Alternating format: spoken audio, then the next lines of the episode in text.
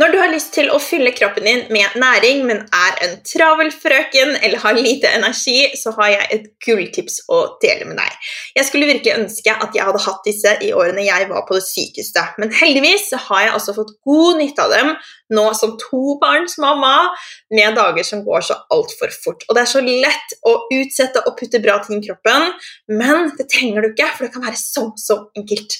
Jeg snakker selvfølgelig om smoothiene mine.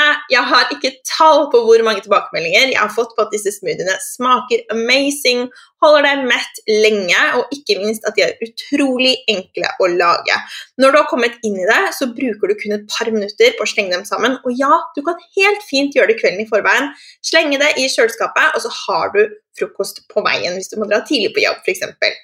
Gå inn på heleneragnhild.no smoothieguiden for å få mine beste oppskrifter og min oppskrift på å sette sammen den perfekte smoothien som holder deg mett og fornøyd lenge. Jeg lover deg du kommer til å elske disse.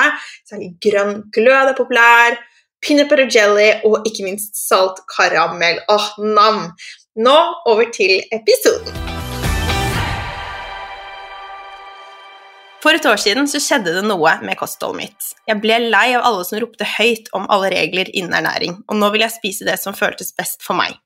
Jeg har aldri vært noe glad i kjøtt, og melkefri var jeg allerede, og jo mer jeg satte meg inn i å spise for tarmen, jo mer så jeg at mer planter var løsningen. Jeg har ingen regler i mitt kosthold, men å spise enda mer planter har endret kroppen min på alle mulige måter. En av grunnene til at jeg derfor digger dagens gjest, er at hun, akkurat som meg, er opptatt av å snakke om alt vi skal spise mer av. Det er det vi spiser mest av, som har mest å si. Han Helene la om kosthold til plantebasert kosthold for litt ulike grunner, som vi skal inn på, og nå kaller hun seg Norges største vegetarentusiast. Målet hennes er at vi skal redusere kjøttforbruket med 30% innen 2025 ved å spise skikkelig digg mat. Hun har skrevet to bestselgende bøker, en skikkelig digg kokebok 1 og 2, har sin egen podkast og startet sitt eget forlag. I tillegg så har hun to små barn hjemme. Wow, sier jeg bare. Jeg gleder meg til vi skal bli bedre kjent med og lære av Hanne Lene. Velkommen til Klar, ferdig, glød! Takk for en dag og liksom mandag morgen å starte med en sånn intro. Veldig hyggelig. Tusen takk. Ja, nå er vi liksom i gang. Det er veldig veldig koselig at du ville komme. Takk. Jeg vil veldig gjerne høre uh, hvordan startet dagen din i dag?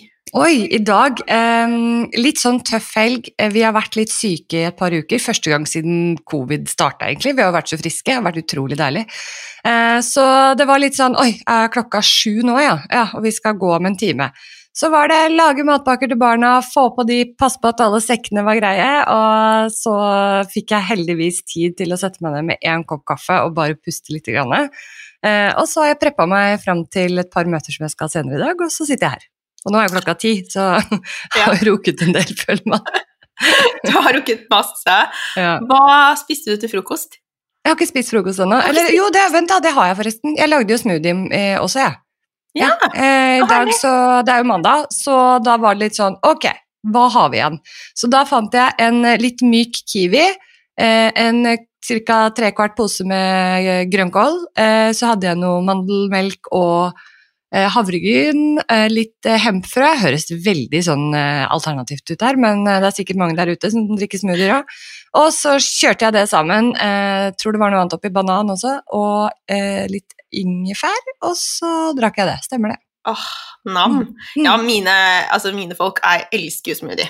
Så, ja. så, det er Du er ikke en særing her, altså. Nei, men det, det, er faktisk, det, er sjelden jeg spiser Jeg pleier ofte å ta den første sånn smoothien sånn 10-11-tida. Eh, at jeg liksom bare kjører prøv fram til det. Litt sånn periodisk faste opplegg. Eh, fordi det spørs litt Hvis det er produksjonsdag, for jeg jobber jo med å lage matinnhold, da har vi jo så mye mat i løpet av hele dagen at da må man liksom bare ha en liten sånn kick før man går i gang. Ja, det skjønner jeg. Det er liksom sånn som når du står og baker til jul, og så er man bare sånn Å, så mett jeg er tilbake ja, ja. på mat og sånn. Ja, du har det hele tiden. Ja, egentlig. Mm. Ikke sant.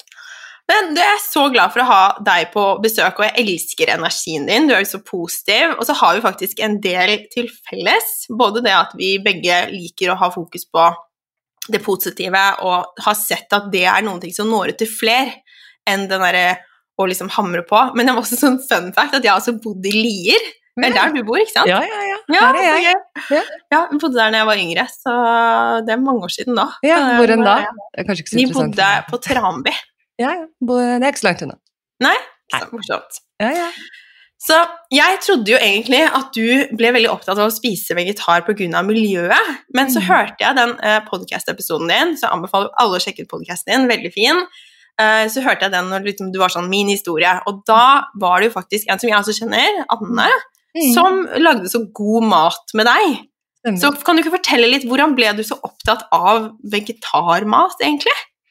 Altså, for det første så er jeg veldig opptatt av mat, sånn generelt. Jeg har liksom alltid elsket å spise mat. Så jeg tror liksom at uh, Jeg har aldri vært noe som har vært noe veldig bevisst på hva jeg har spist, sånn sett, men jeg har vært veldig opptatt av at det skal være godt.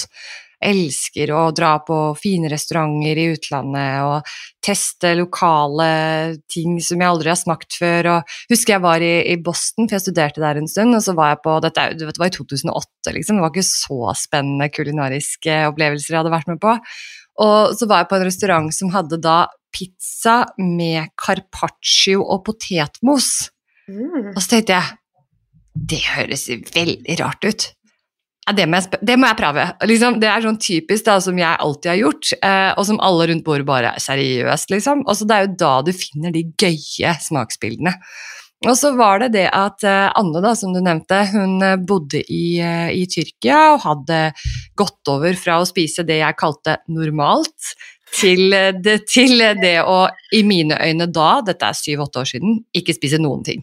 Mm. Hun spiste jo ikke noe med gluten, hun spiste ikke noe med meieri, hun spiste ikke noe animalisk i det hele tatt, ikke, ikke egg eller fisk eller kjøtt eller noe. Og så skulle hun komme på besøk til oss når hun var hjemme en tur, og så, så var det, vi var litt sånn at vi alltid ville ha noe hyggelig å by på. Ikke sant? Mm. Og da kommer de på besøk, hva skal vi lage da?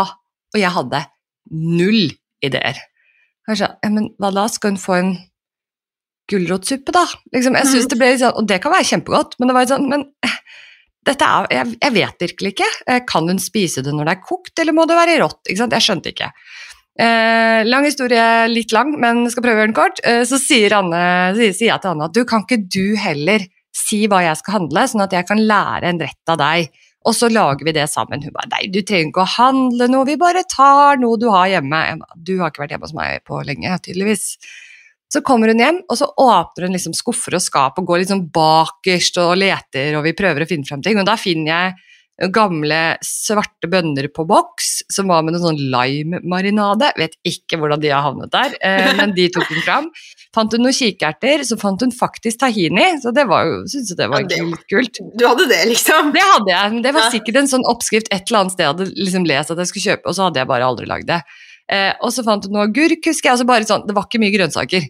Men plutselig da, så hadde vi på en måte det jeg i dag ville kalt en bowl, men Mm. da kalte jeg grønnsaksfat, eh, med så mye digg, og mannen min og jeg, da, det var dette er bestevenninnen til mannen min, satt oss ute i solen, husker jeg, og fikk dette servert, og vi bare er det mulig at bare grønnsaker skal smake så godt? Altså, er det virkelig Er det ikke noe kjøttkraft her? Er det liksom Vi følte oss nesten litt sånn lurt, da. Mm.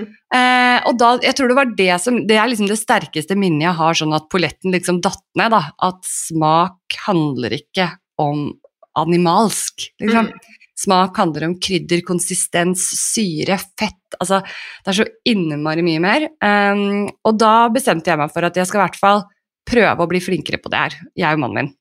Og da sa vi at ok, vi har hørt at det tar seks uker å forandre en vane, så da må vi prøve dette i seks uker, da. Men vi, bare, vi klarer ikke å gjøre det hver dag. Altså, Det blir altfor slitsomt. Så vi var, gikk hardt ut, da. Men vi sa fem dager i uken skulle vi spise kun vegetar til middag. Tenkte ikke på engang at jeg ikke spiste vegetarisk liksom, de andre måltidene. Og bare middag i fokus, liksom.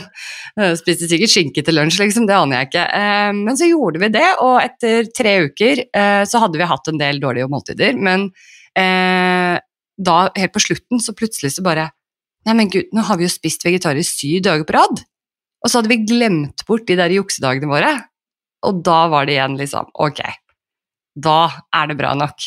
Og da fortsatte vi de seks ukene, og så bestemte jeg meg for at uh, det her er for bra til å ikke fortsette med. Jeg følte meg Altså, jeg er ikke så Altså, jeg sier ikke at jeg følte meg tung før, men jeg følte meg så innmari lett etter. Mm.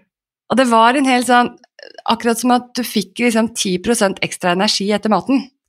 Og Ja. det, var, det var så utrolig digg å oppleve, liksom. Og dette var jo før barn, så så da hadde man jo litt mer energi å gå på. Du bare Du fikk faktisk brukt den ekstra 10 til noe som du Eh, ville. Den, den bruker vi nå til å smøre matpakker og leselekser og sånn. Jo, det Ja. trengs, det. Det trengs. Men, Nei, eh, men det er jo det, og sånn, da? Var det en faktor, eller? Nei, altså dette her er jo nå syv-åtte år siden. Da var det veldig lite om det her, men disse filmene som er Forks Over Knives, Cowspiracy, alle de, de var akkurat kommet da, så jeg satte meg ned og så på de, og jeg er jo egentlig analytiker av yrke, altså jeg jobbet i Google, eh, jobbet med analyse og tall og forskning og så videre, så for meg så er det litt sånn, det å se sånne kommersielle dokumentarer, så gjør jeg det alltid med fire-fem klyper salt, eh, og jeg er veldig opptatt av kildekritikk. Men likevel, selv om du kan plukke noen av de filmene sine kilder litt fra hverandre, så er det store og det hele riktig. Mm. Og det handler jo om at eh, på Conspiracy, for eksempel, altså det at vi har dette produksjonssynet på mat og dyr, at vi setter de inn i båser ti måneder i året fordi at de ikke har klima i Norge til å gå ut, altså alt det der, det satte jeg meg veldig inn i, og så begynte jeg å skjønne at oi, påvirker det klima? Men jeg visste ikke så mye om klima. Eh, liksom, betyr det at det blir varmere, liksom? Altså, ikke det litt digg, da? Eh, for det var liksom ikke Det var jo ikke noe snakk om det, sånn eh, i det store og det hele. Men det kom mer og mer etter hvert, og jo mer jeg på en måte har satt meg inn i det, jo mer viktig er jo klima. Og så er jo en av grunnene til at jeg snakker så mye om klima, er fordi at folk blir ikke sultne av å snakke om dyrevelferd. Mm. Ikke sant? Du får ikke Ja. lyst til å gå og lage deg en stor, herlig, deilig salat med masse greier oppi, hvis jeg påpeker at det du spiste i stad var et skikkelig ulykkelig dyr som har blitt drept før det var kjønnsmodent, liksom. Mm. Du har ikke lyst til å høre på meg da. Men hvis Nei, vi snakker om ja, klima, blir det noe annet. Nei, og det, det syns jeg er så fint, da, for det er jo også Det er veldig mye sånn innen ernæring. Det er veldig mye kontoer som har veldig fokus på ikke sant? Altså, eh, ferdig mat og hvor negativt det er, hvor farlig sukker er. Det er veldig mye som er sånn negativt, negativt, negativt, hvor man liksom sitter igjen Eller ikke mann, jeg som Mm. Har utdannet sin ernæring, sitter fortsatt igjen med en sånn Å, oh, den isen jeg ga til Lykke, liksom. Det, var, oh, det er liksom så mye negativt. Men så ser jeg da, når jeg følger de som bare viser masse, masse bra mat, og god mat, Mm. så blir det veldig positivt. Da får man lyst til å gjøre de gode tingene. Så jeg har også tatt et veldig sånn aktivt valg om å bruke mest av på en måte min spalteplass, da, for å kalle det det, til å snakke opp den bra maten. Det er Og ser at det har gitt så gode resultater for, Mm. for både kunder og, og meg selv, da. Mm. Men uh, jeg syns det er kjempefint at du trekker frem det med kildekritikk, og der syns jeg du er veldig god. Og jeg husker jeg også så Forks Over Knives lenge før jeg ble noe interessert i noe sånn vegetar, og jeg var egentlig litt sånn anti det. Jeg var veldig inne i liksom Fulgte mange som var inne, inne på paleo, ikke sant, som snakket veldig masse om at liksom kjøtt er så viktig, og animalsk er så mye mer næringsrikt. Og da husker jeg så den, og der er det jo en del dårlig ikke sant, statistikk som blir liksom vridd, da. For eksempel at vi og under krigen spiste vi mye mindre kjøtt, og det var mye mindre hjerte og kar. Jeg bare sånn, ok, men de to, det er jo sånn kausalitet, liksom. Det, ja, ikke sant? Så det er veldig fint at du trekker frem det. Disse er veldig fine sånn inspirasjonsfilmer. Men, eh, men jeg syns du er veldig god på det med å bruke liksom gode kilder. eh, Altså, jeg tenker er at- det. Det er jo noe som, og det er en helt annen diskusjon, men det er jo noe som må inn i skolen. Jeg mener at det må inn allerede på barneskolenivå. Så må man begynne å, liksom, å se argumenter fra ulike sider. Mm. For nå er vi jo midt i valgkampen, og man ser så utrolig tydelig at det er så mange i det offentlige ordskiftet som ikke klarer å se de ulike vinklene. Det er jo som du sier med kausalitet og sammenheng og tilfeldigheter. Altså det, er så, det er så mange ting som, som de fleste ikke har noe forhold til. De liksom tenker ja. at, de tenker at eh, for eksempel jeg da, hvis jeg eh, bare spiste, og det gjorde jeg, altså det var forferdelig, jeg spiste nesten bare sjokoladepudding og vaniljesaus i den ene graviditeten min, det var det eneste jeg fikk ned. Eh, ikke sant? Det er jo krise. Loff har jeg vært på. Loff og potetgull i mange, mange mange uker, i hvert fall. Ja, ikke sant? Men, og, og nå hadde jeg faktisk klart, tror jeg, de der hormonene er ganske sterke da, men jeg tror jeg hadde klart mer fordi jeg har så mye mer kunnskap, å Mm. ikke gjøre det. Men jeg måtte bare gi etter, for jeg var altså så dårlig gravid. Eh, og så har jo sønnen min, eh, faktisk begge sønnene mine, fått cøliaki. Eh, og det har jo pappaen deres òg, så det er jo arvelig sånn sett. Men da kunne jo jeg sagt jo, men det er pga. sjokoladepudding. Mm. Ja, ja, og det er jo det veldig mange Der er jo veldig mange. Ja. Så det, det, er kjempefrustrerende når man liksom har den. Jeg vokste opp med en pappa som, som, er professor og jobber mye med statistikk. Og det er liksom bare, Han har alltid lært meg det. det er ikke sånn, Kritisk til statistikk, jenter! Det er liksom veldig sånn hamra inn med morsmelken. Så, så, det er veldig enkelt, da. Og det gjøres jo på begge sider av debatten, absolutt. Men, men vi må også hva skal jeg si, altså vi må også anerkjenne da, at det er, det er veldig vanskelig Ernæring er vanskelig, klima er vanskelig, altså politikk er vanskelig. Det er ikke sånn at jeg mener at jeg sitter på et 100% svar. Absolutt ikke. ikke sant? Men, men, det jeg gjør, er jo å lese såpass mye, snakke med klimaforskere, snakke med eksperter, eh, be de utfordre de etablerte sannhetene. Liksom, ja, men, men, er det bedre med beitedyr, er det bedre med ditt, er det bedre med datt? Eh, og hvorfor er det det? Eh, mm. Og, og, da kan jeg si at jo, nei, men vet du hva, fra et dyrevernsperspektiv, som jeg har veldig uh, i mente, da, for jeg, jeg, vil ikke spise kjøtt, det er liksom ikke aktuelt. Uh, men fra et, dyre, nei, fra et, klimaperspektiv så kan vi spise noe kjøtt. Kan? Og mm. det må jeg si, selv om det går på tvers av hva jeg selv personlig skulle ønske at hele verden gjorde. Mm. Fordi at det er fra et klimaperspektiv. Fra et dyrevelferdsperspektiv så kan vi også spise noe kjøtt, men det er veldig lite av det kjøttet som blir produsert i dag som jeg med mine verdier vil påstå er bra nok til å spise. Mm. Jeg hadde også kunnet spise en gammel ku.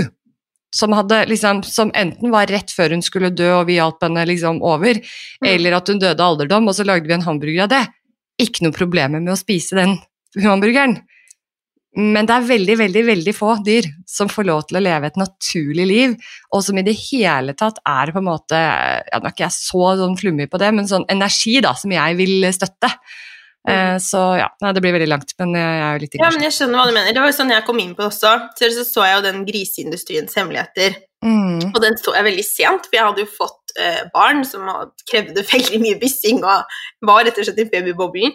Mm. Eh, og jeg ble helt sjokkert. Eh, mm. også, altså fordi den her var norsk, og fordi Norun, som jeg har hatt på podcasten, var så fin og så nøytral. og og var ikke liksom veldig sånn Altså, hun sa jo sant, at dette er mennesker som er fine folk, liksom, som, som gjør dette, dette er sånn det har blitt. Altså, hun Jeg syns hun la det frem på en så fin måte, så jeg har jo anbefalt folk veldig å se den. Og så begynte jeg å spørre folk rundt meg. da, sånn, å, har du, sett, har du sett den? Liksom, jeg vet at jeg er sånn 2000 and late, men du har vel sett den? Mm. Og de var bare sånn Nei, det har jeg ikke orket. Mm. Og jeg var bare helt liksom satt ut av det, fordi dette er jo mennesker som jeg er så glad i, som er så oppgående, ikke sant, mm. som velger å lukke øynene for det som skjer i Norge.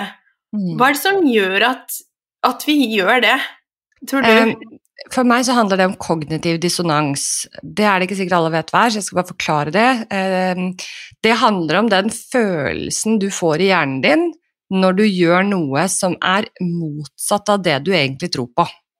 Så hvis du går bortover gaten, du har en tyggis som har begynt å smake sånn skikkelig, skikkelig ingenting, eh, og du bare ah, må ba, 'Den må bare bort', og så har du ikke noe papir, ikke noe søppelbøtte i nærheten, og sånne ting, og hvis du da velger ah, 'Jeg kaster den på bakken, det er så mye annen tyggis der', liksom, så er det veldig ubehagelig for deg, fordi du vil egentlig ikke være en som forsøpler, men siden du ser at det er så innmari mye tyggis på bakken nå, alle andre gjør det jo, så på en måte justifier du, rettferdiggjør du det for deg selv, og da slipper du den kognitive dissonansen, egentlig en ubalanse i hva du mener og hva du gjør. Ja. Og hvis du ikke skal bli 100% kjøttfri, så er det veldig vanskelig å sette seg godt inn i hvordan kjøttet blir produsert. Mm. For hvis jeg forteller deg eksakt hvordan det er, viser deg filmer, viser deg kalver som ikke får lov til å være sammen med moren sin, som eh, må stelle seg i en egen bås, viser deg kyllinger av hannkjønn som blir kvernet levende idet de blir klekket ut fordi at de ikke vokser fort nok til at vi bruker dem som kylling og kan betale hva da, 15 kroner per uh, kyllingfilet. Eh, altså, hvis jeg viser deg alt det der, så er det vanskelig å fortsette å spise den kyllingformen som du gjør hver fredag. Mm. Og det er et veldig stort valg å ta, å droppe den gleden, den kulturen som du har rundt mat. At da er det lettere for folk å si sånn Nei, men uff, nei, men jeg orker ikke å se det. Og så tenker man, for å rettferdiggjøre for seg selv, så tenker man Men det der er jo bare de verste tilfellene. Det er jo ikke så dårlig. Og, ja, og jeg kjøper jo fra den og den produsenten. Det er jo bedre. Eller jeg kjøper jo fra Reko-ringen. Det er jo et av mine altså, synes, dårligste argumenter, liksom. Ja, ok, du kjøper rett fra bonden, så når du har sett en bonde i øynene, da vet du at de Hva da? Liksom, du, kyllinger i Norge går ikke ute og tupper på et tun. Uansett hvilken bonde du spør, så gjør de ikke det. Så du støtter kverning av hannkyllinger uansett om du kjøper det direkte fra bonden eller på Rema 1000 eller hvor du er. Så, nei, så den, jeg tror grunnen til at folk ikke vil se det, er nettopp fordi at de vet at hvis jeg virkelig tar det innover meg, så er jeg nødt til å gjøre et valg. Mm. For du klarer ikke å både mene noe og så gjøre noe motsatt, liksom. Mm. Og jeg bare må si liksom, jeg var der, så det er ikke noe Mm. sånn at vi dømmer noen. Ehm, men som jeg pleier å si til mine kunder, at vi kan ikke snakke, ikke snakke om solkrem fordi noen allerede har blitt brent. Vi må på en måte fortsette å opplyse, Mm. og så får man ta valg selv. Uh, og, og jeg tror jeg måtte komme i den derre um, ammesituasjonen selv, da, og få den sammenligningen med den kalven som ble tatt bort fra kua, og bare kjenne at liksom Hvis det var meg, da, og lykke, sånn, hvordan vil det føles? Mm. Så det, ja, det er veldig sånn spennende tema, og, og det, du forklarer det så utrolig fint. Uh, og dette er jo et tema med veldig store kontraster, både liksom dyrevelferden og også miljøet. Så noen ganger så syns jeg det er veldig vanskelig å vite hvem man skal stole på, ikke sant, og også Mm. hvor ting kommer fra. Uh, så jeg tenker at vi skal liksom ta oksen litt på hornene og bare ta med en gang hvilke kilder er det, også sånn at man kan gå seg selv, da, men hvilke kilder er det som du syns er bra eh, å bruke i forhold til dette her med særlig miljøet, da, tenker jeg på. Mm, altså I forhold til klima så er det Cicero som jeg bruker mest. Det skrives med C. Det er da Norsk senter for klimaforskning. De er helt uavhengige, men de er på en måte satt ned altså dette, Jeg kan ikke pitche den her, jeg, liksom, men jeg tror det er at de er satt ned av den norske regjering for å forske uavhengig på klima. Eh, Ja, jeg hørte jo han sa, han på podkasten din, han ja. representanten, han sa jo liksom at det er sånn For oss er det jo sånn Nå som man forsker, så sitter man ikke og håper at det skal være enten det ene eller det andre. For dem er det liksom De får akkurat samme lønn uansett hva slags resultat det blir av forskningen, og så deler de det de har fått ut av forskningen. Ja, og de kan vel, nå, nå vet jeg ikke om det gjelder Cicero, men sånn generelt på forskning da, så kan man jo bestille forskningsrapporter. Så la oss si at Tine bestiller en forskningsrapport som sier er beitedyr bedre for eh, ernæringen i melka, f.eks. Så kan jo de få uavhengige forskere til å forske på det, men så er det jo opp til Tine om de vil publisere resultatene.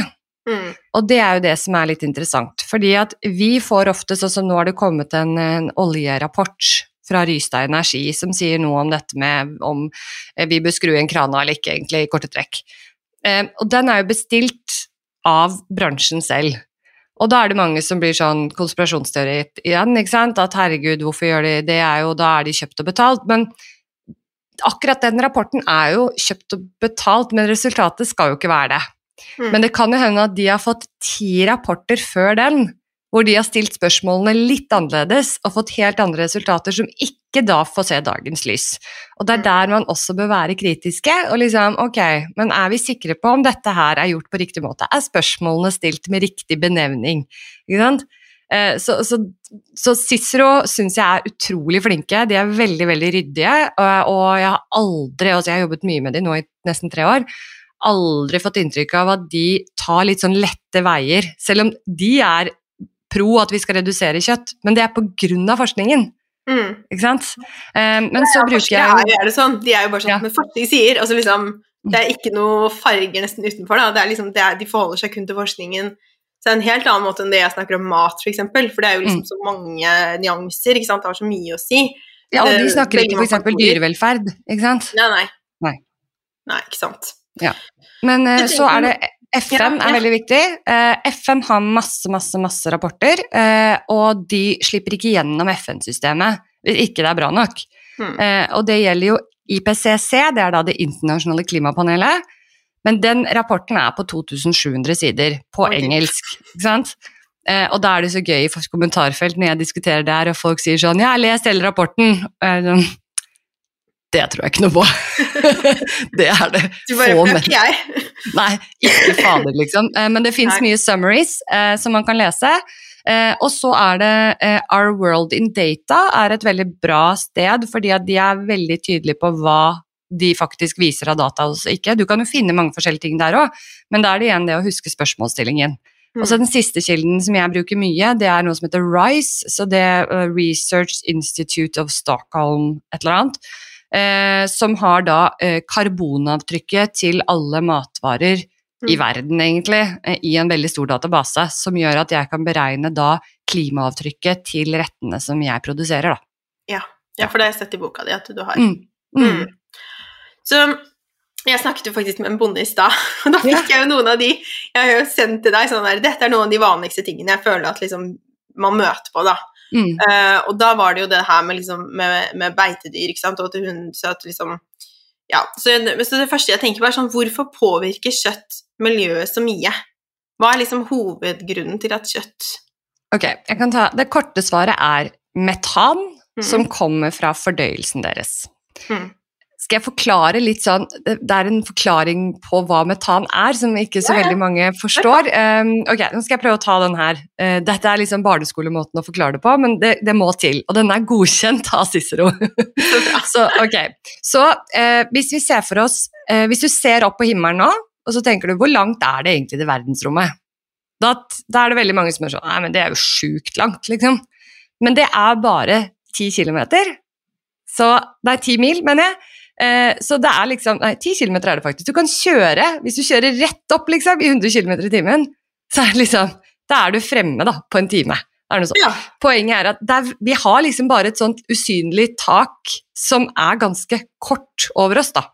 Og mm. alle de gassene som vi slipper ut, CO2, metan, lystgass, noen andre, de samler seg i dette usynlige taket og gjør at det blir litt sånn trangt som gjør at varmen blir igjen inni der.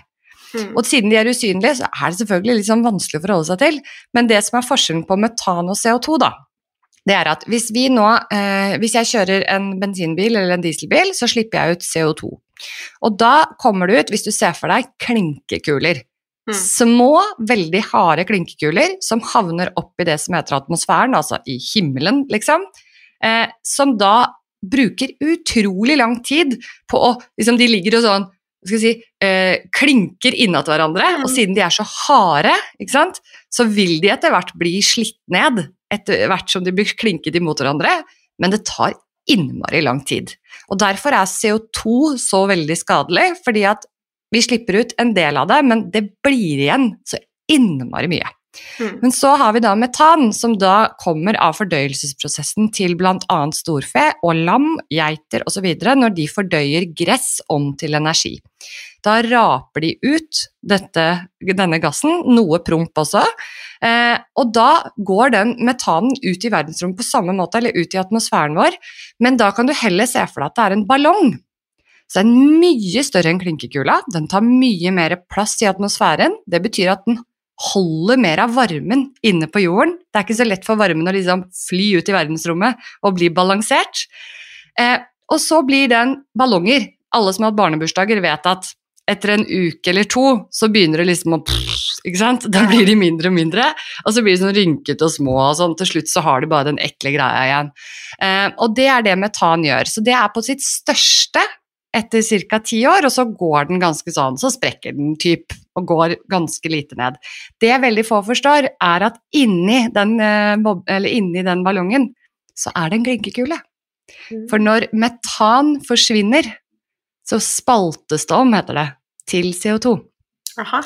Så hele poenget er at det vi driver med, med kjøttproduksjon, og en del andre ting, altså risproduksjon osv., det er å slippe ut en haug av sånne ballonger som varmer opp veldig mye de neste ti årene.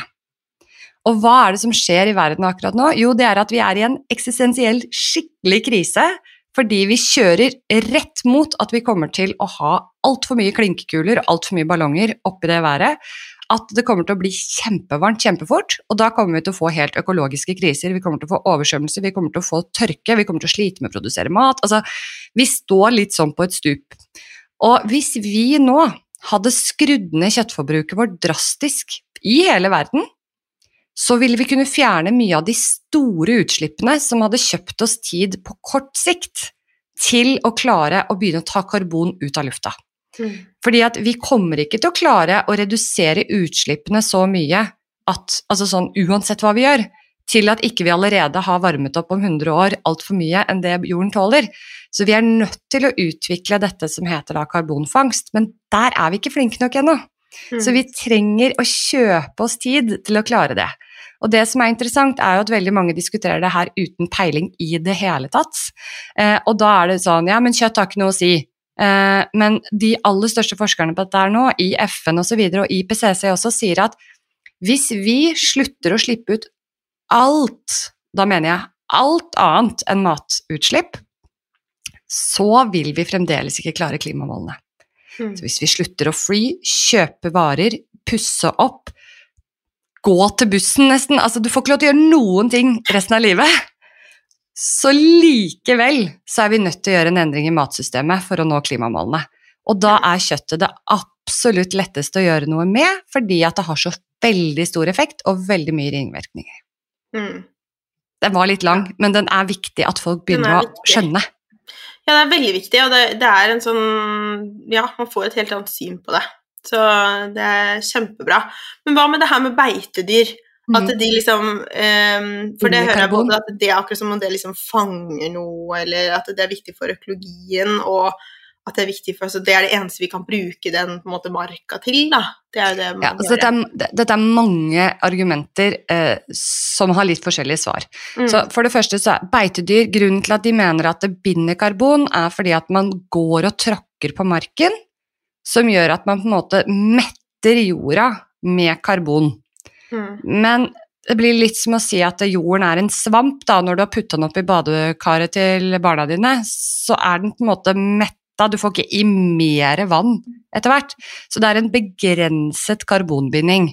Mm. For hvis vi hadde sagt det at alle beitedyr i verden, altså ikke bare beitedyr, da, men katter og hunder og alle andre som går og tråkker på marken, liksom, at alle de bandt så mye karbon at de kunne reddet klimaet, Tror du ikke klimaforskerne hadde sagt at vi må begynne å ha sykt mye beitedyr, liksom?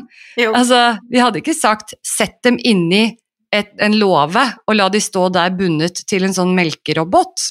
Ikke sant? Så, så, så, det sier seg selv at det ikke har mye effekt. Det kan ha noe effekt, men den er veldig vanskelig å måle, og uansett hvor mye effekt den har, så er i hvert fall det Cicero har fortalt meg, er at den uansett kan ikke veie opp for utslippene i det hele tatt. Det er en forsvinnende liten effekt. Og så er det jo det at vi har veldig få beitedyr i Norge. Mm. Eh, altså 99 eller 98, driver, jeg og Norunn Haugen driver og skal regne på dette her nå, men la oss si 98, da, bare så at ikke folk blir så sinna. Prosent av alle dyrene i Norge som vi spiser, hør det, 98% får aldri se sola. Ja, det er helt, det er helt grusomt. Og så det ikke er mer snakk om det her åpent i Norvoll-kampen. Altså, det er helt, helt krise. At ja, ikke bare, sånn, bare sånn at folk da, Hvis noen nå bare tenker nei, det kan ikke stemme fordi at jeg vet at det er masse uh, storfe og sånn som går ute, så må vi huske at dette er alle dyr. Dette er kyllinger, det er svin, det er, ikke sant? Og de er så utrolig mange flere. Eh, hvis vi ser på tall fra 2015, da, som er det eneste jeg husker nå i hodet, så var det da 68 millioner dyr vi spiste hvert år, eller i 2015. Ja, 68 eh, totalt. Av 65 av de er kylling.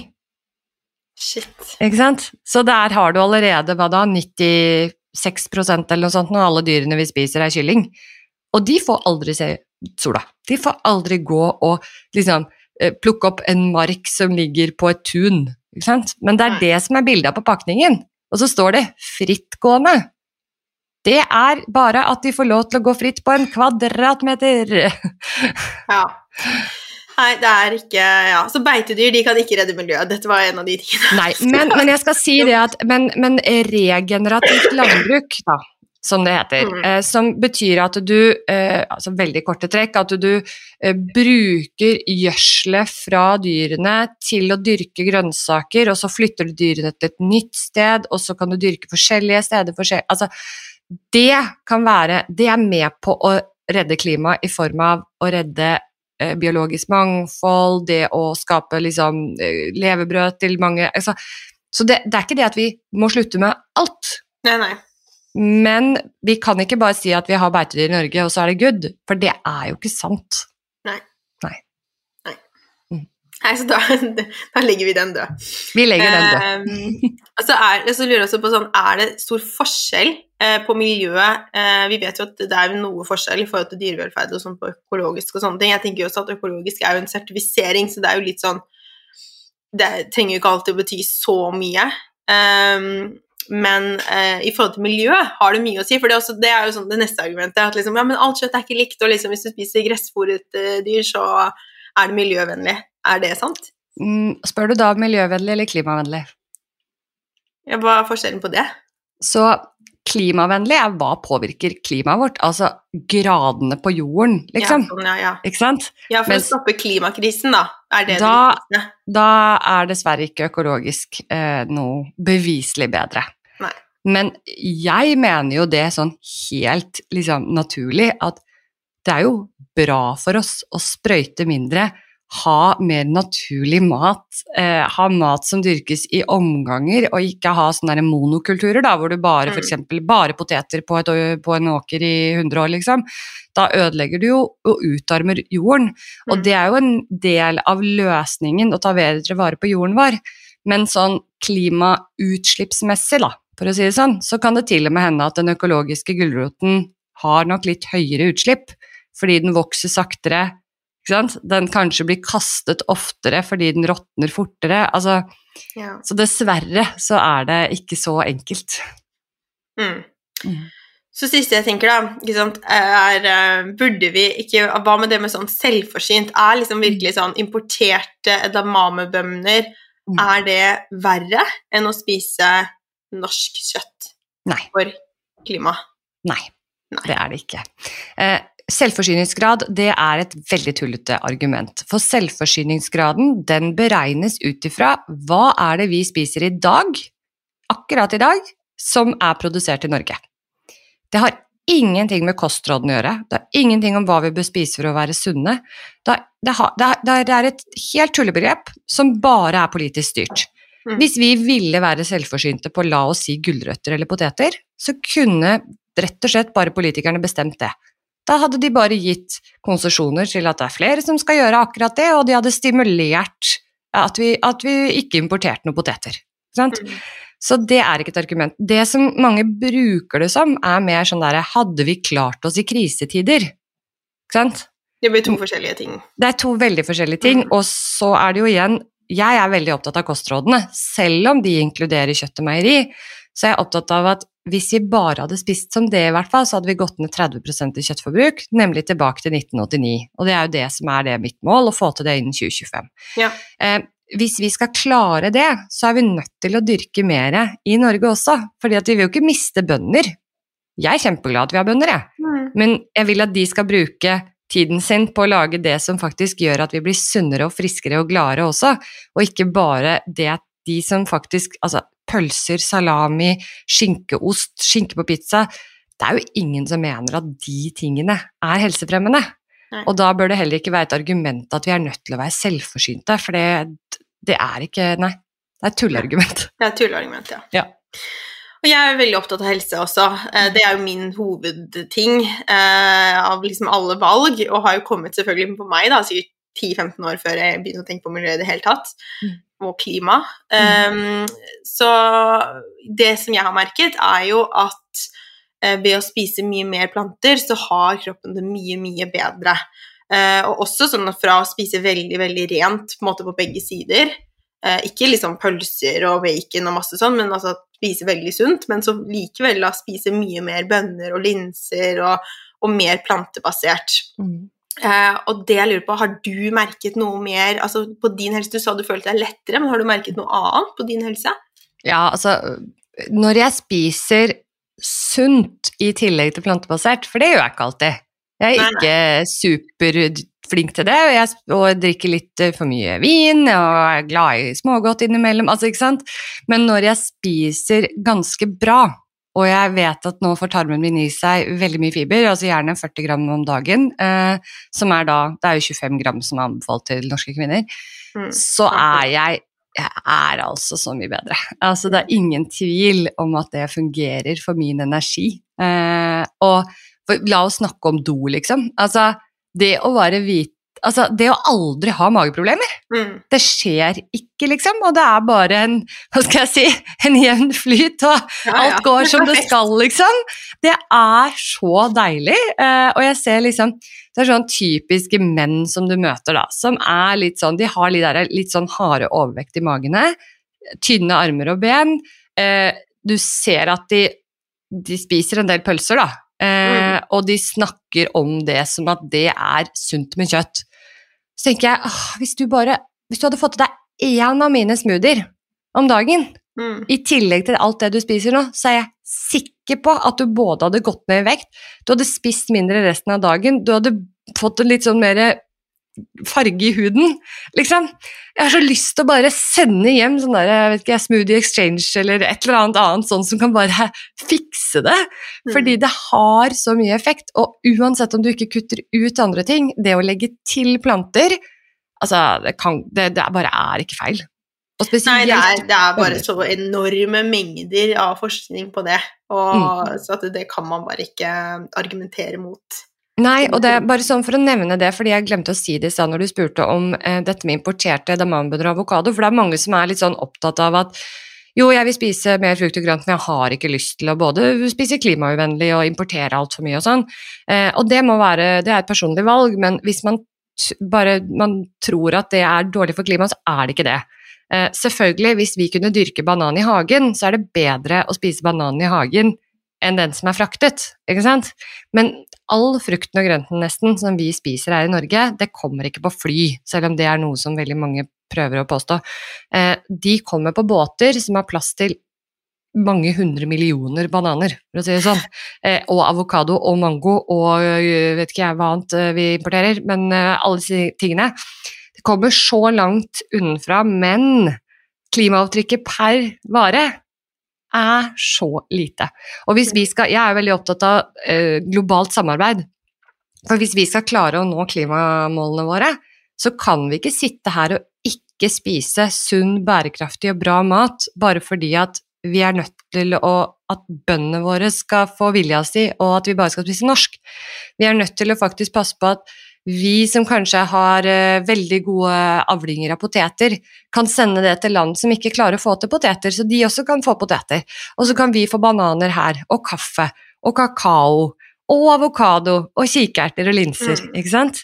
Og så er det veldig mye forskning nå på at de ønsker jo selvfølgelig at vi skal få mye mer kortreiseting, men eh, i Europa nå så mener de at innenfor EU så skal vi klare å være selvforsynte på de tingene som vi bør spise for klimaet, innen da 20 år hvis vi er flinke til å legge om.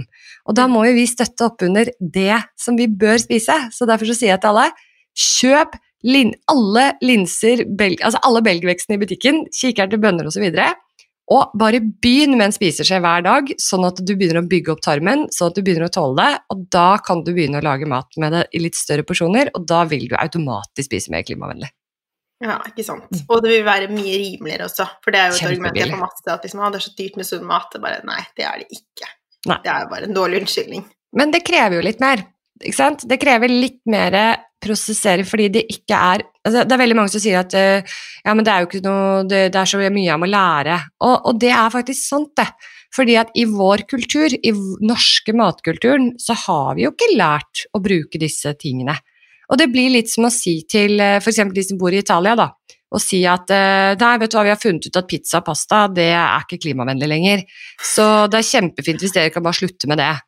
Det er jo det samme å si til Ola Nordmann at eh, nei, du, fiskeboller og, og, sånne kjøttkaker og pølser, det kan vi ikke ha lenger. Og barnebursdagene, da må du bare droppe de pølsene i lompa, altså, fordi det funker ikke. Da blir folk litt sånn sinna, for herregud, sånn har vi alltid gjort det. Jeg spiste pølser i lompe i barnebursdager hele livet, er det feil òg nå? Sant? ja, ja. Ja, det blir jo sånn, og derfor så må vi anerkjenne når de sier at ja, men er det, det er så mye dyrere. Nei, det er egentlig ikke dyrere, men det krever at du lærer deg litt. Grann. Men la meg vise deg en som gjør at du slipper å prøve mange ganger, for denne oppskriften er det så mange som har prøvd, og alle elsker den. Du må bare lage den. Det mm. funker. Det funker. Ja, men det er kjempebra. Absolutt. Så jeg, vi må snakke litt om, uh, om mat. Uh, mm. De som nå ønsker å spise mer planter, mm. Hvor skal de starte? For det er jo som du sier, begynn å putte på. Og jo mm. mer gode valg du tar, jo bedre. Det trenger ikke å være enten-eller. Mm. Så, så, hvor skal man da starte? Jeg pleier å si Jeg pleier ofte å spørre folk, da. Uh, hva spiste du til middag i går? og så forteller de det, og så sier jeg hvilken terningkast gir du den retten? Veldig ofte, med mindre jeg spør på en søndag, for alle spiser et eller annet godt på lørdag eller fredag, ikke sant. De sier ofte 'nei, det var vel en terningkast fire', strengt talt. Mm. Sier jeg, begynn med de måltidene der.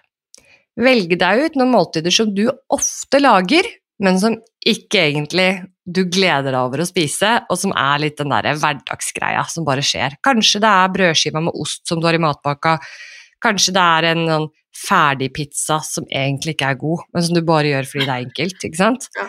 Eh, start med å si at vet du hva, denne uken så skal jeg i hvert fall bytte ut det måltidet med noe som er mer næringsrikt. Og så har jo jeg, jeg har jo to bøker, så det er veldig lett for meg å si at start med bøkene, men det, om det er mine bøker eller andres bøker, eller om du velger å bruke blogger, eller bare finn noe som frister deg, som du syns ok, det der syns jeg faktisk så godt ut.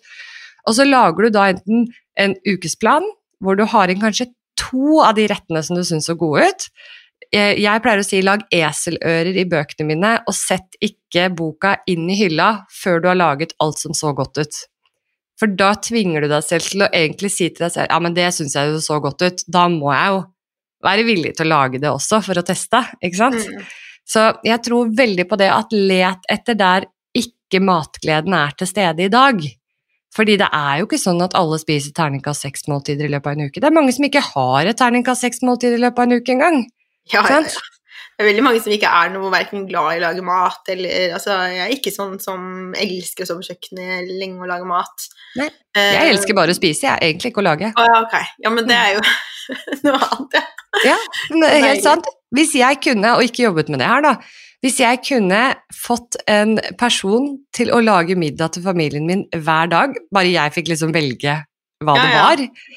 eller jeg hadde en meny å velge mellom et eller annet, og jeg visste at den var sunn og bra næringsrik, så hadde jeg sagt yes, please! La ja, det stå ferdig. Jeg på din vision board, altså. Det, altså, det. det ja, altså jeg har noen naboer som har au pair, som de faktisk eh, de bestiller fra sånn matkasse tre dager i uken. Og så lager da au pairen disse måltidene til hele familien, og så sitter de jo sammen og spiser, da. Og jeg bare Altså, det høres altså så nydelig ut. Å kunne bare sitte og velge fra en meny selv. Ja, det er helt magisk. Altså, noen andre lager det, så trenger du ikke å handle engang. Altså, for meg er det helt drømmen, liksom, men nå jobber jeg med det her, så det er ikke mulig å få til det. Men en gang i fremtiden, kanskje. Ja, ja. Det, alt går.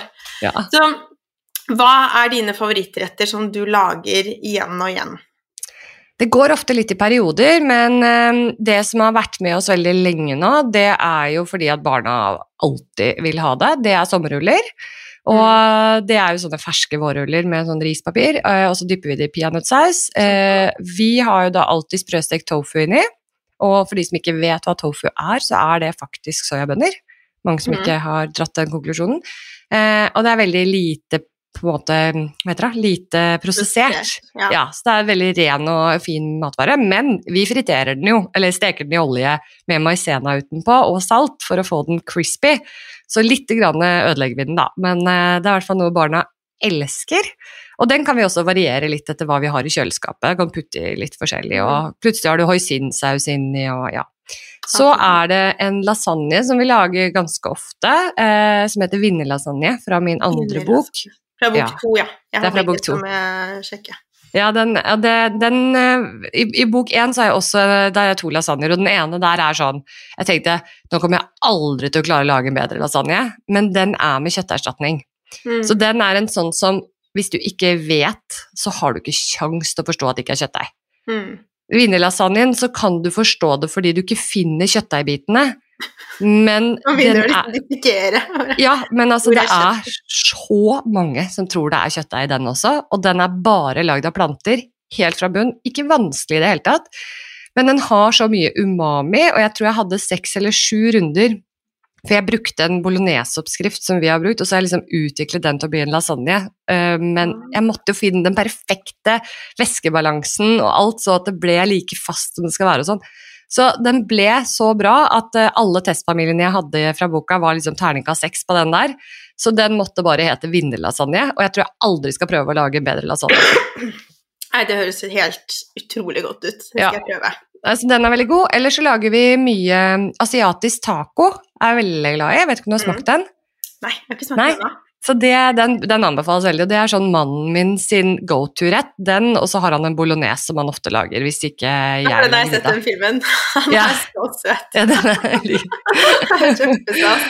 Ja, nei, men asiatisk taco det... lager gitarmat, og så er det sånn Kommer han og bare Ja da. Vi var veldig fornøyd når vi kom på den sangen. Eh, ja. Det var veldig gøy. Nei, men asiatisk taco, det er i utgangspunktet Det er linser, valnøtter, eh, så er det ved gulrøtter, litt spinat, eh, men jeg tar bare i spinat til oss voksne. For barna syns at sånne lange, bløte spinat ikke er noe godt. Ja, men de kan liksom spise crispy spinat, så da er det mm. bedre mm. å gjøre det. Um, og så er det hoisinsaus, ingefær, mye sånn, og så serveres de sånne hjertesalatblader, eller til barna så får de sånne glutenfrie tacolomper. Mm. Altså, det er så enkelt, så godt, og så er det jo kjempenæringsrikt. Det også bruker vi mye. Å, kjempedeilig. Så hvis dere liksom kommer hjem, da, liksom, hva, du har sultne barn, eh, hva er det Hva bruker du da? Sånn, hvis du liksom må ha noen liksom nødmat, da, enten til deg selv eller til barna. Mm, altså, mine barn er jo vokst opp med at bønner eh, og kikerter, alt det der, det er veldig sånn plukkmat. Mm. Så jeg kan si sånn Vil dere ha noen hvite bønner eller svarte bønner? Eller edamambønner? Og så får de velge, og kanskje velger de forskjellige, men det blåser jeg, for da bare åpner jeg det. Mm. Og da kan de sitte, hvis de setter seg ned bare da etter skolen og sånn, foran nettbrettet og sitte og spise det til middagen er klar, så tenker jo jeg vinn-vinn. Da har de jo fått i seg plutselig liksom 100 gram med, med bønner. Eh, Eller så er de veldig glad i hummus, og det lager jeg jo egentlig selv, men det siste halvåret tror jeg nesten alltid jeg har kjøpt det. Fordi ja. den er veldig Det er et par merker som er veldig gode. Jeg syns Sevan sine er kjempegode. Mm. Eh, og da er det ikke noe vits. Så da er det bare ta av lokket på den. Og så er eh, han eldste min er veldig glad i å spise økologiske gulrøtter, han har fått det for seg, og da spiser de med skallet. Ja. Eh, så da kan han bare ta gulrøttene, og så dyppe oppi, så er det liksom ferdig. Så, og edamame og sånne bønner i selve Belgien, det elsker de. Jeg tror det er fordi at du må pirke det ut, liksom. Mm. At det blir sånn gøy. Så, så, det også er sånn go to-greie. Eller så har vi alltid frukt og sånne ting stående, og så elsker de peanøttsmør, så de kan liksom bare få det ferdig, og det tar meg jo ett minutt å legge det opp. Mm. Og så kan de godt da ikke spise så innmari mye middag, fordi de har spist så mye av det. Ja, ja, da har de jo bare spist masse råvarer. Så det er jo ja. Mm. Og så prøver vi å krydre litt. Eh, der er vi ganske kjedelige, eh, fordi at eh, barna er så ekstremt glad i peanøttsmør og hvitt chiasyltetøy, som egentlig bare er bringebær og chiafrø og vann. Ikke noe sødme i det hele tatt, for det har de vokst opp med, så for dem mm. er det Syltetøy skal være syrlig, på en måte, mm. ikke søtt. Og det er nesten hver dag. Er helt uh, Men nå leste jeg akkurat Nå husker jeg faktisk ikke kilden på den, men jeg skal dele den en annen dag, så da skal jeg skrive inn kildene. Uh, på at for hver porsjon nøtter du spiser, og da også ikke sant, uh, peanøttsmør, så øker du livslengden din med jeg tror det var 35 eller 45 minutter. Ja, nøtter er jo helt magisk. Ja, ja og, det, og, der var det jo en lang sant, det var mange råvarer. og så For eksempel pølser, da, så taper du en halvtime. Ikke sant? Eh, og det er jo så fascinerende, fordi vi har jo gitt de da kanskje to porsjoner med peanøttsmør hver dag i seks år, ikke sant? Tenker jeg. Det er litt klapp på skuldra, i hvert fall. Det kunne godt vært litt mer variert, men han liker ikke mandelsmør, og det irriterer meg veldig, og ikke noe annet heller. Men, eh, nei, så vi er litt kjedelige der. Men vi prøver å sende med f.eks. halve avokadoer med litt lime og salt på. Vi sender med opp oppskåret uh, middagsmat, liksom. Altså sånn hvis vi har igjen litt mango, eller hvis vi har igjen asiatisk taco, da så får de det også i matboksen. Jeg syns ikke det høres ut som det er kjedelig. Jeg syns det bare er bra at du deler. Fordi jeg tror veldig mange tenker at det må være liksom veldig sånn masse forskjellige ting. Mm. Uh, men det er veldig fint. Vi har jo Altså Lykke er veldig glad i pesto. Mm. Så hun, vi kjøper den fra Coop, som er uten melk, for hun er ja. melkeallergiker. Mm. Og da, det spiser hun liksom hele tiden. Så det er liksom alle sånn i barnehagen, alle vet at Lykke liksom har pesto på matpakka. da. Ja, men det er jo dødsgodt. kjempegodt. Og det også får man jo inn liksom litt ekstra grønt da også. Det er jo en del Absolutt. basilikum og Ja, ja, også sunne liksom. og Selv om en da ikke spiser så mange forskjellige pålegg, så blir det liksom Men er det ikke den som har cashewnøtter i seg? Jo, det tror Jeg jeg. tror det. Så jeg får Ja, nøtter òg. ja, Det er jo kjempebra. Det Eh, er men jo Pålegg er jo sånn grunnen til at jeg spør, er fordi det er mange som lurer på. Det igjen, Ja. liksom, I barnehagen så det var foreldremøte, de bare 'Ja, vi vet at det fins annen mat enn brød, Helene.' Jeg bare ja, Ja, øh, det har jo vært særlig under korona, så har det vært sånn 'Send med brødskive.' Jeg bare Ja, mm. det blir mye brød. Det er derfor jeg Det blir veldig mye brød. høre da, hva, man liksom, hva skal man gjøre. Men det, det jo, der har jo vi en ekstra utfordring pga. cøliaki. Mm. Og det, jeg gråt mine bitre tårer, liksom, når begge barna fikk cøliaki. For jeg var litt sånn Jeg syns det var veldig kjipt når Anders fikk det. Han fikk det når han var sånn 30, altså mannen min. Når han Mm. var 30, innså han at han Det var derfor han hadde vondt i magen hele livet, liksom. Eh, eh, og da tenkte jeg åh, bare ikke barna får det, siden de allerede er liksom veggisbarna, liksom. Og så fikk de det i tillegg. Og da er jo brød enda verre, fordi det er jo så tørt. Og jeg har ikke kapasitet eller energi til å bake til de hver dag når det er Det blir jo ikke kjempegodt, det heller, liksom. Så akkurat brødskivene, ikke noen sånn kjempegod samvittighet for det, eh, men sånn har det blitt. Mm. Sånn er det bare. Mm. Uh, Så jeg tenkte jo tar dere ofte altså Hele familien din er jo plantebasert. Så, altså, vi kaller oss vegetarentusiaster. Ja. Ja, så det Ja. betyr at eh, mannen min han kan spise fordi igjen da, cøliakien hvis jeg er ute og spiser og det er vanskelig å finne noe, så kan han liksom spise noe med kjøtt en gang annenhver måned eller lignende. Mm. Eh, og så har han spiser jo ost hver dag på kveldsbrødskiva si, Mm. eh, og innimellom så bruker han noe egg. Og det gjør også den yngste sønnen min, han har også litt egg innimellom. Men bortsett fra det, så er det bare egentlig vegansk, eh, stort sett. Men vi kaller det vegetarentusiast fordi at vi ønsker å inkludere flest mulig, og at det ikke er fokus på hva vi ikke spiser, men på at vi spiser nesten bare vegetarentusiastisk. Ja, kjempebra. Mm. Så tar du ofte med egen mat hvis du skal bort eh, til noen. Trenger ikke engang å være sånn siden dere skal liksom på en sånn felles grilling og sånn, så kan du vel Mm. ta med liksom en rett, men hvis du skal på middag til noen, hva gjør du da? Eh, nå vet jo alle om meg, på en måte. Hvis du ber meg på middag, så vet du at jeg ikke spiser det. Eh, så det er jo for så vidt sånn sett lett nå, men jeg pleier ofte å liksom tilby meg sånn Hei, eh, vil du at jeg skal ta med meg en liten salat, eller skal jeg ta med meg hva Hvis de skal grille, da, hvis de har bedt inn til grilling, så er det veldig ofte de spør sånn Du, jeg har tenkt å kjøpe, hvilke pølser er det du vil ha? På en måte. Mm. Og da sier jeg hvilket merke som vår familie liker best. Og så kan det hende at jeg sier men du, jeg kan godt ta, også ta med f.eks. en havsalat, da, som jeg er veldig glad i, en sånn vegansk agenrøre med damame og sånn. Og da er det jo ofte at folk sier sånn åh ja, det hadde jo vært litt deilig. Ja. men eh, men jeg, jeg tilbyr alltid, og så sier jeg liksom alltid sånn du jeg, jeg må minne på at barna tåler jo ikke eh, gluten heller, så eh, jeg må bare vite Skal vi ha pølsebrød, for eksempel, for da kan jeg ta med noen glutenfrie. De koster jo 150 kroner eller noe sånt, ikke sant. Så, Ja. eh, og det å bare være litt sånn åpen på det, og ikke si sånn Husk at barna har glutenfritt, liksom. Da blir det ikke noe hyggelig. Nei, nei, Det nei. er mye lettere for meg å, å tilby det, da. Ja, og så er det jo litt også sånn fordi man Gluten føler jeg det er veldig sånn glutenfritt, men i hvert fall for oss som har melk, da, så, så er det nesten verre når noen er sånn her 'Å, men jeg har lagd laktosefri, sånn at Lykke kan få smake.' Og jeg bare Det hjelper ikke! Nei. Det er liksom, noen ganger så er det veldig greit å være veldig på tilbudssiden, sånn at ikke folk liksom prøver, og så blir det feil likevel, og så er jeg veldig redd for at hun skal få i seg noe, da, siden hun reagerer så mye. Så Ja.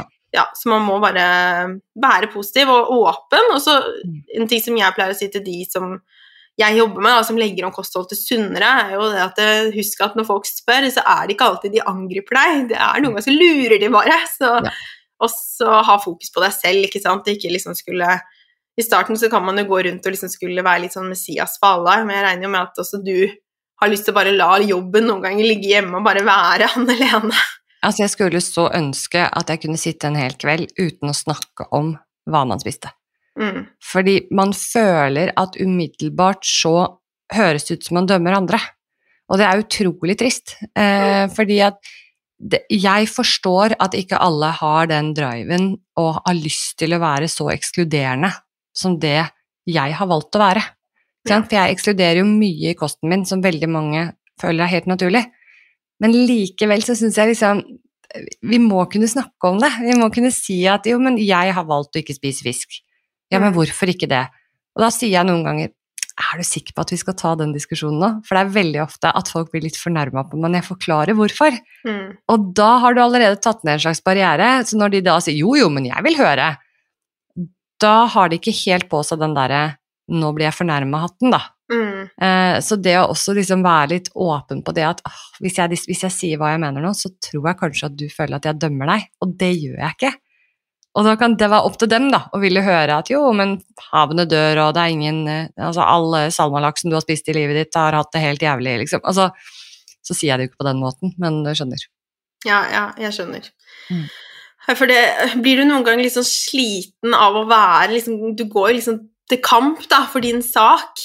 Mm, Har du noen ja. gang litt sånn at du føler at verden bare For det har jeg kjent på, sånn at folk liksom er sånn Å, er det ikke liksom at, Skal jeg være den som liksom roper høyest om at vi må spise sunnere for å Vi må være mer preventive, og jeg er sånn Jeg jobber med de som kommer til meg, jeg og kjøper av meg, og liksom er kunder, og liksom har satt litt den, da. Ja. Men så er jeg sånn åh, ja, jeg tenker på sånn som deg, da, som bruker så mye energi og har så mye engasjement og, og jobber så aktivt ut Mm. mot politikere mot, liksom mannen i gata og med opplysning. Mm. Får du noen gang litt sånn Nå orker jeg ikke mer. Ja, en gang i uka eller noe sånt tror jeg jeg gjør det. Nei, altså, det, det er jo jeg, jeg hadde jo en Eller jeg har hatt en veldig god karriere. Jeg kunne mm, fortsatt der jeg var, jeg hadde tjent gode penger. Det å slutte å gjøre, eller slutte med det og gjøre det her i stedet, det handler ikke om penger for meg. Eh, og jeg måtte liksom Det handler om å faktisk gjøre en forskjell. Og derfor har jeg satt en deadline til 2025, fordi jeg tror ikke jeg orker å være en slags aktivist lenger enn det. Så det jeg prøver med sånn business-wise, er jo å løse lønnen til meg og de to jentene som jeg har ansatt, eh, sånn at vi kan gjøre de tingene som ikke lønnes. Mm. Så vi bruker en hel uke på Arendalsuka, som er sånn politikersamling hvor du prøver å påvirke politikerne ute og ikke sant. Bruker en hel arbeidsuke bare på det, som ikke gir en krone til å betale utgiftene, fordi at jeg har klart å skrive bøker som selger godt, eh, og jeg har startet eget forlag, sånn at jeg sitter igjen med mer penger for det, og hele tiden prøver å finne ut ok, hva kan vi gjøre som tar kortest mulig tid, og tjener mye penger på det, så vi kan gjøre mest mulig som ikke tjener penger på. Mm. Eh, og det er jo en litt sånn, noen ganger så kan man føle litt sånn at verden er faen ikke mye takknemlig for denne tiden. Man kan bli litt sånn der, men når folk blir sure kanskje for at ikke jeg kan stille opp på et eller annet gratis lenger? Jeg blir jo, hvis jeg skulle gjort ting gratis, så hadde jeg vært opptatt hver dag. Eh, For det er alltid noen som vil at jeg skal holde et foredrag eller et eller annet.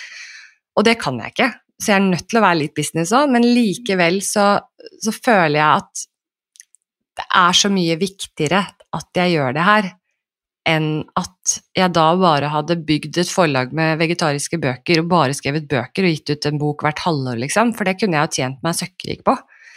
Men det hadde føltes feil, rett og slett. Så, men, det er, men det er ikke noe tvil om at det er veldig, veldig slitsomt å alltid være i opposisjon og alltid ha faktaene på plass, alltid lese deg opp og alt, være, huske det riktige 44% eller var det 54% og jeg kommer til å bli så tatt hvis jeg sier feil, ikke sant? Eh, og sånn, hva er kilden din på det eh, hele tiden? Det er veldig slitsomt, Mhm. men jeg er litt mer hardhuda enn de fleste, så hvis ikke jeg skal gjøre det, hvem skal gjøre det da? Ja, ikke sant. Ja.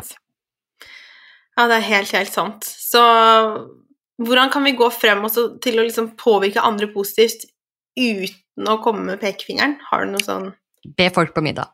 Be folk på middag. Rett og slett, finn veggisretter, helst helt veggis, fordi at vi ønsker å komme dit i samfunnet at vi ikke bare reduserer kjøttet på tallerkenen, men faktisk klarer å glede oss skikkelig over en middag uten det også. Finn de rettene som du bare 'Å, dette var digg', og så ber du folk på middag uten å be dem på en vegetarrett. Mm. Hvis du vil be på min vinnerlasagne, så sier du 'Hei, vi skal lage lasagne på lørdag, har dere lyst til å komme og spise?' Ja, klart jeg vil komme og spise. Det er jo ikke sånn at du er pliktig til å si hva som er ingrediensene i den lasagnen. Men sånn, den kommer til å være balsamico oppi, liksom. Det er ingen som sier det. Eh, og da ber du på middag, og dere spiser og koser dere, og så kommer det garantert til å komme opp ja, men hva var det egentlig denne? Den var litt annerledes, eller å, den var sjukt god, er det veldig mange som sier, da kan jeg få oppskriften. Og da kan du si ja, den er faktisk, det er faktisk ikke noe kjøtt, jeg vet ikke om dere tenkte på det. Og da har du påvirka positivt. Mm. Hva med skeptiske menn som elsker uh, Det har jeg et veldig godt triks. Ja. Så igjen, da, bruk bøker eller nettsider. Helst bøker, egentlig, for det er lettere å, å gi de i hånda. Og si sånn Du, denne uka her så har jeg lyst til at vi skal lage én rett fra denne boka. Men du skal få lov til å velge. Jeg skal lage den, du skal bare få lov til å spise. Da gir du de valget om hva de har lyst til å spise. Og det er en helt annen holdning til den maten når de har valgt det selv, enn når du kommer med akkurat samme rett, og det er liksom laget av aubergine, da. Og de bare mm. Jeg vet ikke, jeg. Og det samme gjelder barn. Mm. Få de til å være de som velger. Og hvis, da, hvis de da velger f.eks. quinoa-vafler, da, som veldig mange barn velger fra mine bøker, da er det quinoa-vafler til middag. Mm. Det er næringsrikt, ikke noe problem. Og så pass på at du ikke da liksom Ikke bland ting. Spesielt til barn, da. Men så går det greit. Ja. Men ha liksom i, sånn som på mine vafler, så har jeg jo alt oppå hverandre, og så er det mandelsmør, og så er det kokosyoghurt og alt mulig. Men ha sånn at de kan de få på tallerkenen sin alle fargene, og så tar de det de selv har lyst til. Og så kan du heller spise opp det som ikke blir spist opp, og neste gang får de akkurat det samme, for de trenger å eksponeres til det ofte. Mm. Det gjelder for øvrig menn også. Ja, ikke sant. og svigerforeldre. Og svigerforeldre, ja. Ja, mm. ok. Mm. mm. Ja, det blir spennende. Tror du at vi kan snu klimakrisen?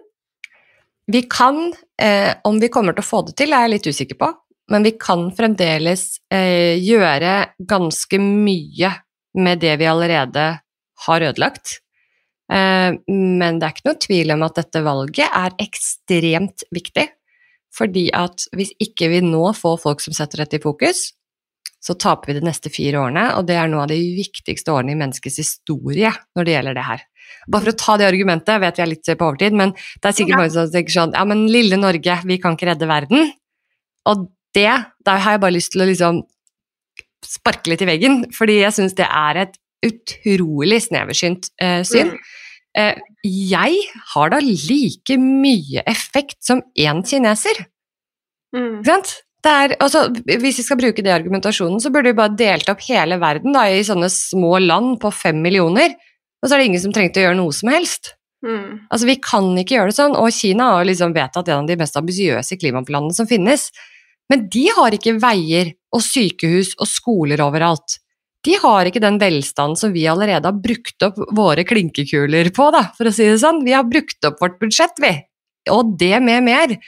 Så vi må slutte å peke på hva alle andre skal gjøre for løsninger, og så må vi begynne å stemme på de partiene som faktisk har lyst til å gjøre litt ubehagelige ting, som å ta fra oss parkeringsplassen vi alltid har brukt, til å ja, ubehagelige ting, rett og slett. Vi er nødt til å tåle det, fordi at det som blir jævlig mye mer ubehagelig, det er en skikkelig klimakrise. Det kan jeg bare love.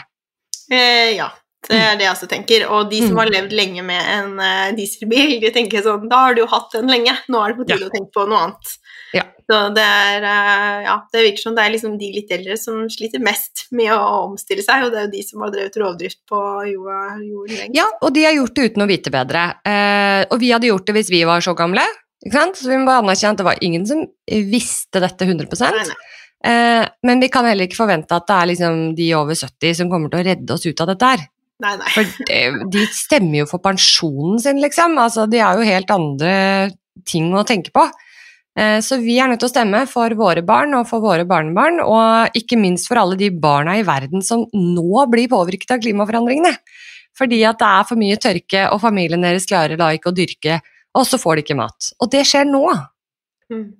Så da, da tier jeg, selv om jeg gjerne vil kjøre min elbil til Oslo og kunne parkere midt i sentrum når jeg skal på et eller annet møte, så må jeg anerkjenne at det går faktisk ikke an å få gjort alltid. Så du må parkere litt lenger, gå litt lenger unna, eller kanskje ta toget. Mm. Helt sant. Mm. Hvis du kunne endret én ting i Norge for at vi skulle få det til, hva hadde det vært?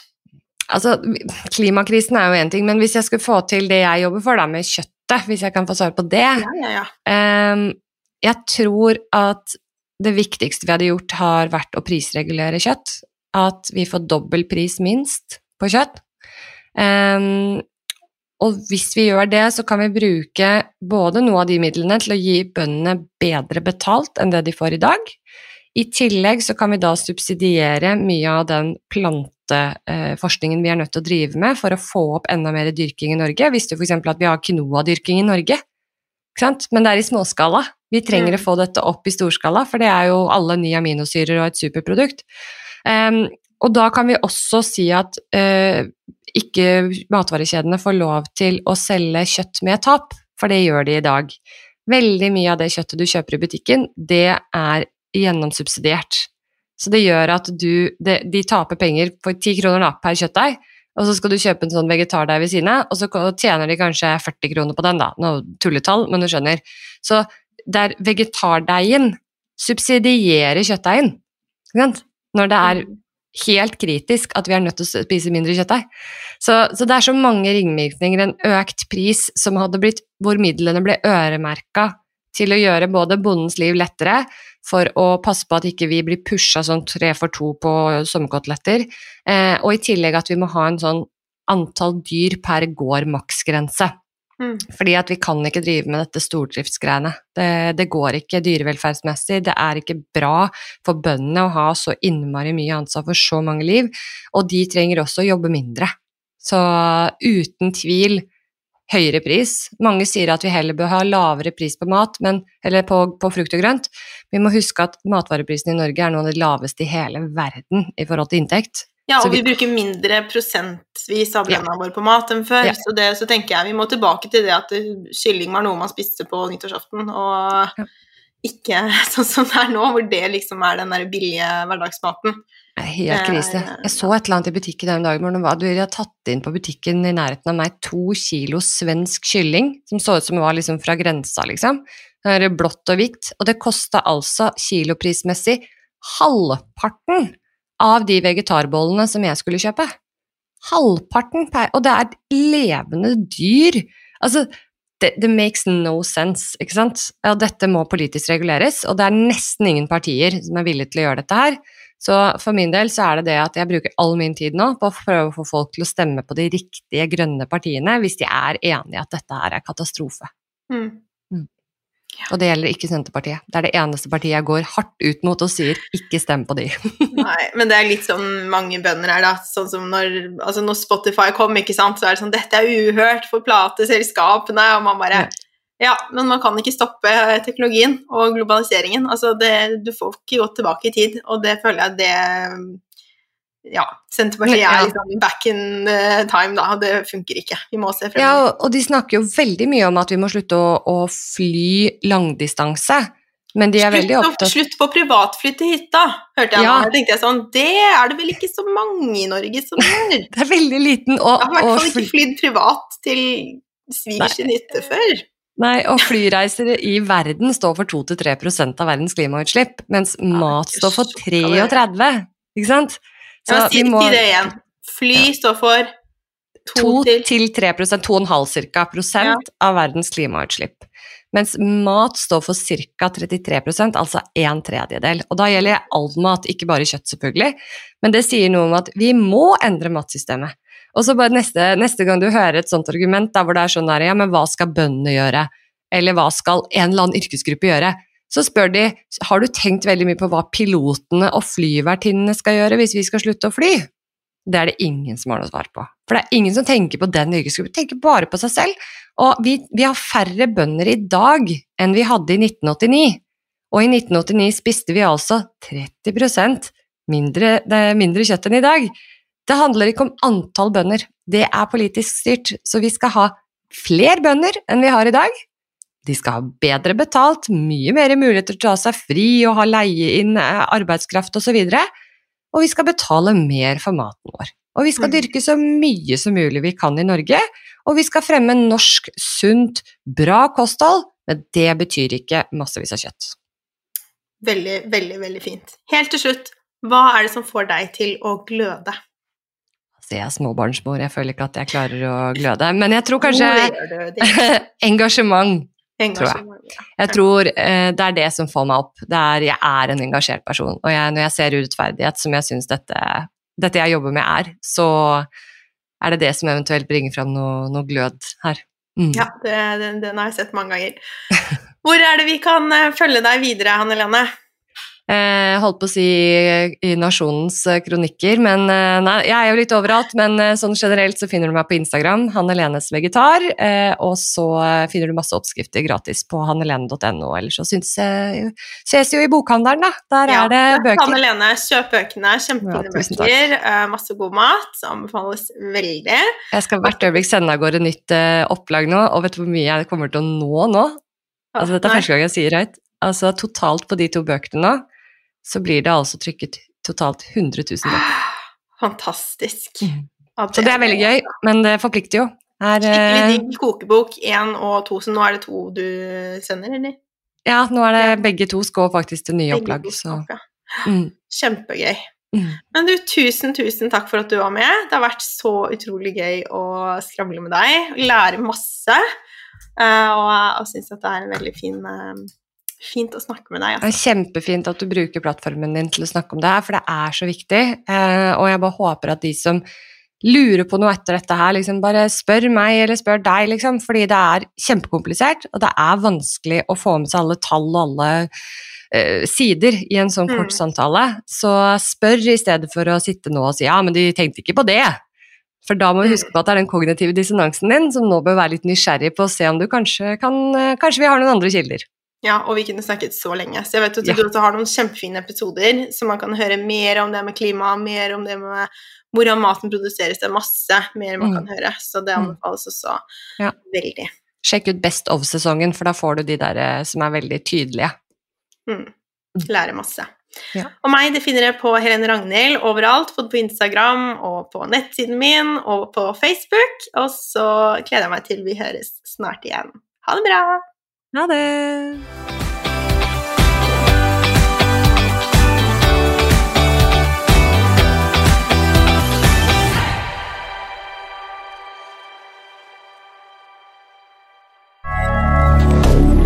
Moderne media.